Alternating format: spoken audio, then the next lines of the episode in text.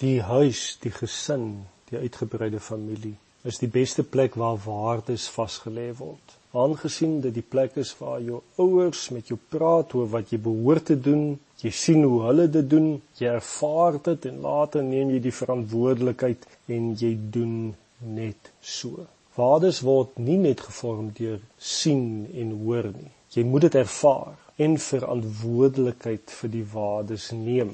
En dis waardes wat lewensverandering vestig. Jesus het koninkrykswaardes geleer vir sy disippels. Mense leef nie al lewens gebaseer op preke, toesprake of selfs beginsels nie. Hulle leef dit volgens hul waardes.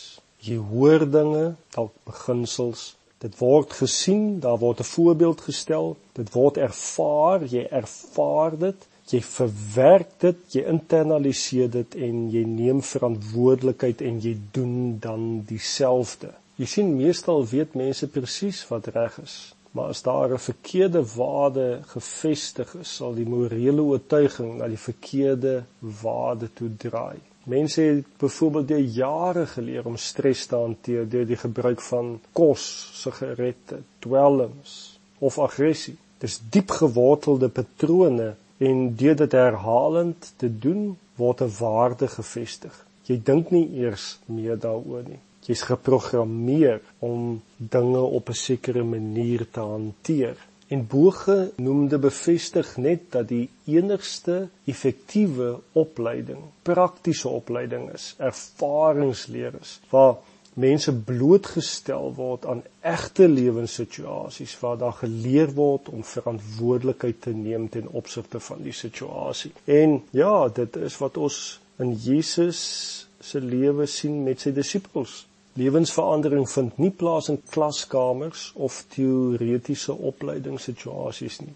Al is dit moeilik om te erken, bly dit die waarheid. Ek weet ons plaas soveel klem op kennis, maar dit verander nie mense se lewens nie.